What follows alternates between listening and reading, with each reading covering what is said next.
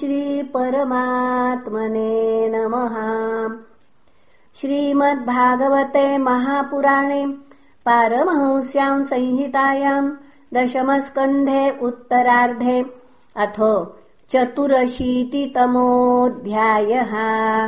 श्रीशुक उवाच श्रुत्वा पृथा सुबलपुत्र्यथ याज्ञसेनी माधव्यथ क्षितिपपन्त्य उत स्वगोप्यः कृष्णेऽखिलात्मनि हरौ प्रणयानुबन्धम् सर्वाविशिस्म्युरलमश्रुकलाकुलाक्षः इति सम्भाषमाणासु स्त्रीभिः स्त्रीषु नृभिर्नृषु आययुर्मुनयस्तत्र कृष्णरामदिदृक्षयाम् द्वैपायनो नारदश्च च्यवनो देवलोऽसितः विश्वामित्रश्यतानन्दो भरद्वाजोऽथ गौतमः रामः स शिष्यो भगवान् वसिष्ठो गालवो भृगुः। पुलस्त्यः कश्यपोतिश्च मार्कण्डेयो बृहस्पतिः द्वितिस्त्रितश्चैकतश्च ब्रह्मपुत्रास्तथाङ्गिराः अगस्त्यो याज्ञवल्क्यश्च वामदेवादयोपरे तान् दृष्ट्वा सहसोत्थाय प्रागासीनानृपादयः पाण्डवा कृष्णरामौ च प्रणेमुर्विश्ववन्दितान्। तानानर्चुर्यथा सर्वे सह रामोच्युतोऽर्चयत् स्वागतासनपाद्यार्घ्य माल्यधूपानुलेपनैः। उवाच सुखमासीनान् भगवान् धर्मगुप्तनुः सदसस्तस्य महतो। यत वाचोऽनुशृण्वतः श्रीभगवानुवाच। अहो वयम् जन्मभृतो लब्धम् कार्स्नेन तत्फलम् देवानामपि दुष्प्रापम् यद्योगेश्वरदर्शनम् किम् स्वल्पतपसाम् नृणामर्चायाम् देवचक्षुषाम् दर्शनस्पर्शन प्रश्न प्रौभपादार्चनादिकम् न ह्यमयानि तीर्थानि न देवामृच्छिलामयाः। ते पुनन्त्युरुकालेन दर्शनादेव साधवः नाग्निर्न सूर्यो न च चन्द्रता। पुनः नाग्निर्न सूर्यो न च चन्द्रतारका। न भूर्जलम् खम् श्वसनोऽथ वाङ्मनः। उपासिता भेदकृतो हरन्त्यघम् विपश्चितो घ्नन्ति मुहूर्तसेवया यस्यात्मबुद्धि कुणपेत्रिधातुके स्वधीः कलत्रादिषु भौम इज्यधीः यत्तीर्थबुद्धि सलिलेन कर्हि चिज्जनेष्व भिज्ञेषु स एव गोखरः। श्रीशुक उवाच। निशम्येत्थम् भगवतः कृष्णस्याकुण्ठमेधसः वचो दुरन्वयम् विप्रास्तूष्णीमासान्। पुनः। वचो दुरन्वयम् विप्रास्तूष्णीमासन्। भ्रमद्धियः चिरम् विमृश्य मुनय। ईश्वरस्येषितव्यताम् जनसङ्ग्रह इत्यूचुः स्मयन्तस्तम् जगद्गुरुम् मुनय ऊचुः। यन्मायया तत्त्वविदुत्तमा वयम् विमोहिता विश्वसृजामधीश्वराः। यदीशितव्यायति गूढ इहया अहो विचित्रम् भगवद्विचेष्टितम् अनीह एतत् बहुधैक आत्मनाम् सृजत्यवत्यत्ति न बध्यते यथा।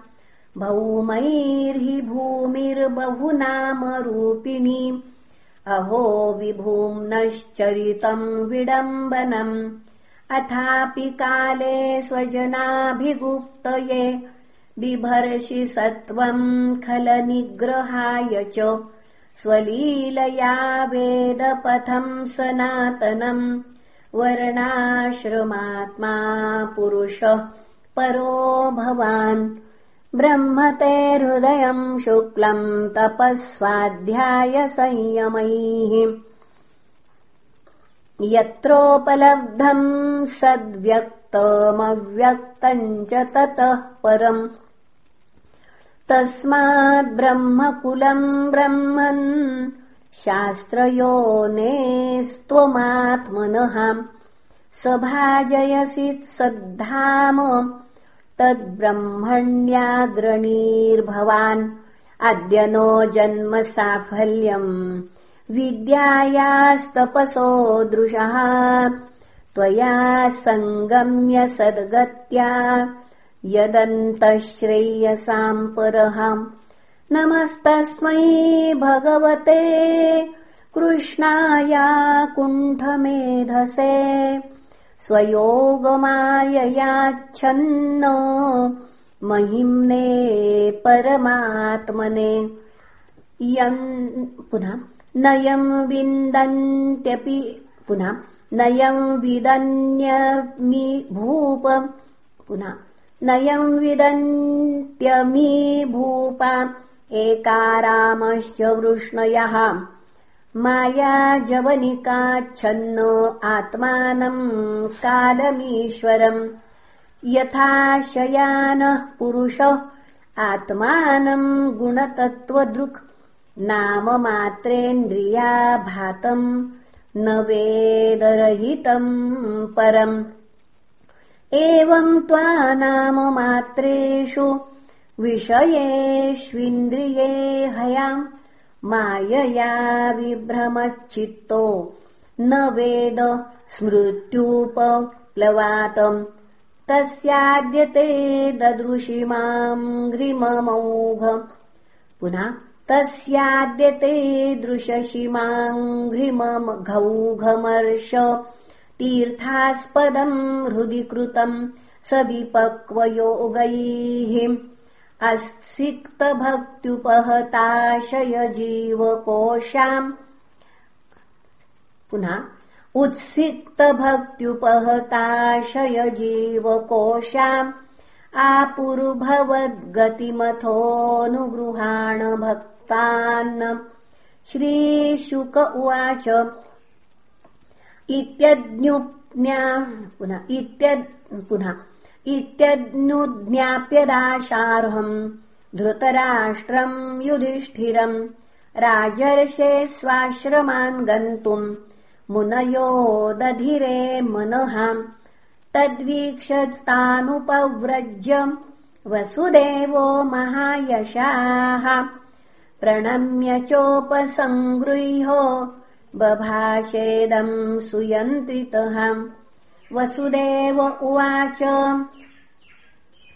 नमो वः सर्वदेवेभ्य ऋषय श्रोतुमर्हथो कर्मणा कर्मनिर्हारो यथा स्यान्नस्तदुच्यताम् नारद उवाच नातिचित्रमिदम् विप्रा वसुदेवो बुभुत्सयाम् कृष्णम् मत्वार्भकम् यन्न पृच्छति श्रेय आत्मनः। सन्निकर्षो हि मर्त्यानामनादरणकारणम् गाङ्गम् हित्वा यथान्याम्भस्तत्रत्यो याति शुद्धये। यस्यानुभूतिः कालेन लयोत्पत्त्यादिनास्य वै स्वतोऽन्यस्माच्च गुणतो न कुतश्च नरिष्यति। तम् क्लेशकर्म परिपाकगुणप्रवाहैरव्याहतानुभव मीश्वरमद्वितीयम् प्राणादिभिः स्वविभवैरुपगूढमन्यो मन्येत सूर्यमिव मेघहिमोपरागैः। अथोचुर्मुनयो राजन्नाभाष्यानकदुन्दुभिम्। सर्वेषाम् शृण्वताम् राज्ञाम् तथैवाच्युतरामयोः। कर्मणा कर्मनिर्हारो एष साधुनिरूपितः यच्छ्रद्धया यजेद्विष्णुम् सर्वयज्ञेश्वरम् मखैः चित्तस्योपशमो योऽयम् पुनः चित्तस्योपशमोऽयम् वै कविभिः शास्त्रचक्षुषा दर्शितः सुगमो योगो धर्मश्चात्म मुदावहः पुनः दर्शितः सुगमो योगो धर्मश्चात्ममुदावहः। अयम् स्वस्त्ययनः पन्थाम् द्विजातेर्गृहमेधिनः। यच्छ्रद्धयाप्तवित्तेन शुक्लेनेज्येतपूरुषः। वित्तैषणाम् यज्ञदानैर्गृहैर्दारसुतैषणाम् आत्मलोकैषणाम् देवो कालेन विसृजेत् बुधः। ग्रामे त्यक्तैषणाः सर्वे ययुर्धीरास्तपोवनम्। ऋणैश्रिभिर्द्विजो जातो देवर्षिपितॄणाम् प्रभो यज्ञाध्ययनपुत्रैस्तान्यनिस्तीर्य त्यजेत्पतेत त्वम् त्वद्यमुक्तो द्वाभ्याम् वै ऋषिपित्रोर्महामते। यज्ञैर्देवर्णमुन्मुच्य निरुणो शरणो भव। वसुदेव भवान्नूनम् भक्त्या परमया हरिम् जगतामीश्वरम् प्राच स यद्वाम् पुत्रताम् गतः। श्रीशुक उवाच इति तद्वचनम् श्रुत्वा वसुदेवो महामनाः। तान् ऋषीन्नृत्विजो वव्रे मूर्धानम्य प्रसाद्य च त एनमृषयो राजन् वृता धर्मेण धार्मिकम्। तस्मिन्न याजयन् क्षेत्रे मखैरुत्तमकल्पकैः। तद्दीक्षायाम् प्रवृत्तायाम् वृष्णयः पुष्करस्रजहाम् स्राता सुवाससो राजन् राजानः सृष्ठुवलङ्कृताः। तन्महिष्यश्च मुदितान् निष्ककण्ठ्य सुवाससः दीक्षाशालामुपाजग्मूरादिप्ता वस्तुपाणयः।